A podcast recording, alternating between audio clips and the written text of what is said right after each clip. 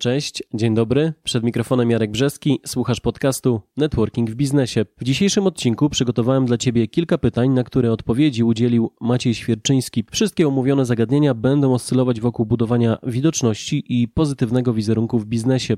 Miłego słuchania. Zaczynamy. Pierwszym z przesłanych przez Was pytań jest, jakie są zasady zwracania się do siebie w networkingu? Czy podczas spotkań networkingowych zawsze mówimy do siebie na ty? Najbardziej właściwa odpowiedź brzmi to zależy.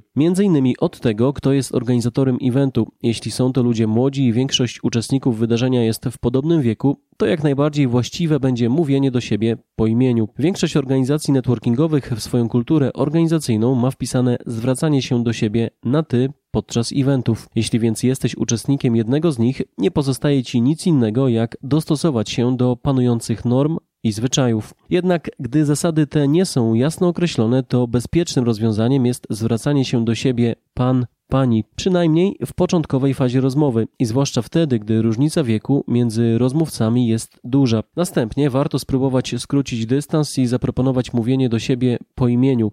Jak to zrobić? Krok po kroku, typowo konwersacyjnie, może to przyjąć poniższą formę. Dzień dobry, nazywam się Jan Kwiatkowski. Czym się pan, pani zajmuje? A następnie podczas rozmowy możesz po prostu zapytać, czy możemy mówić do siebie po imieniu? Czy ma pani, pan coś przeciwko temu?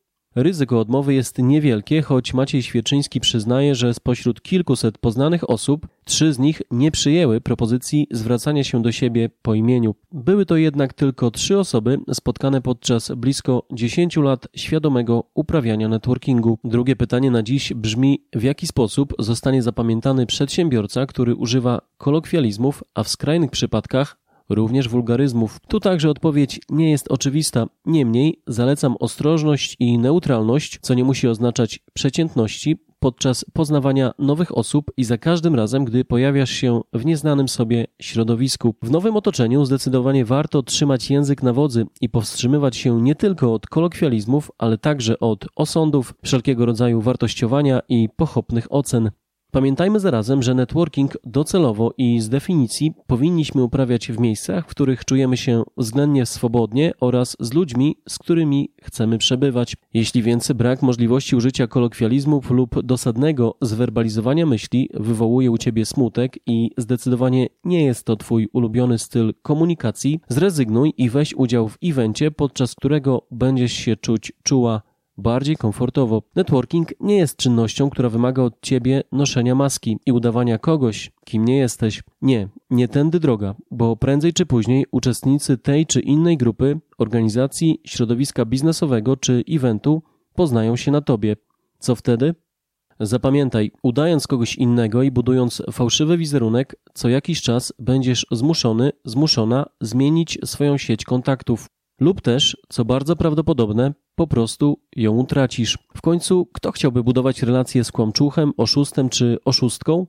Trzecie pytanie na dzisiaj. W jaki sposób się przedstawić, jeśli w tym samym evencie networkingowym uczestniczy nasza konkurencja? Pomimo obecności biznesowych konkurentów, niezmienna pozostaje wartość płynąca z mówienia prawdy i przytaczania przykładów, a najlepiej historii, pokazujących w jaki sposób pomagamy naszym klientom i partnerom biznesowym. Warto więc przygotować sobie wcześniej jedną, dwie takie historie i przytoczyć je podczas wydarzenia. Odradzam natomiast tak zwane przerzucanie się argumentami z konkurencją, na przykład poprzez próbę udowodnienia, że świadczone przez nas usługi są tańsze lub wyższej jakości. Takie działania powodują, że konkurencja narasta, staje się nam coraz bardziej wroga i tym samym oddala nas od możliwości współpracy. Tak, współpraca z konkurencją na przykład poprzez uczynienie z niej podwykonawców w okresie, kiedy Twoja firma otrzymuje dużą liczbę zleceń. Jest to jak najbardziej możliwe i zachęcam Cię do współdziałania z Twoimi konkurentami biznesowymi.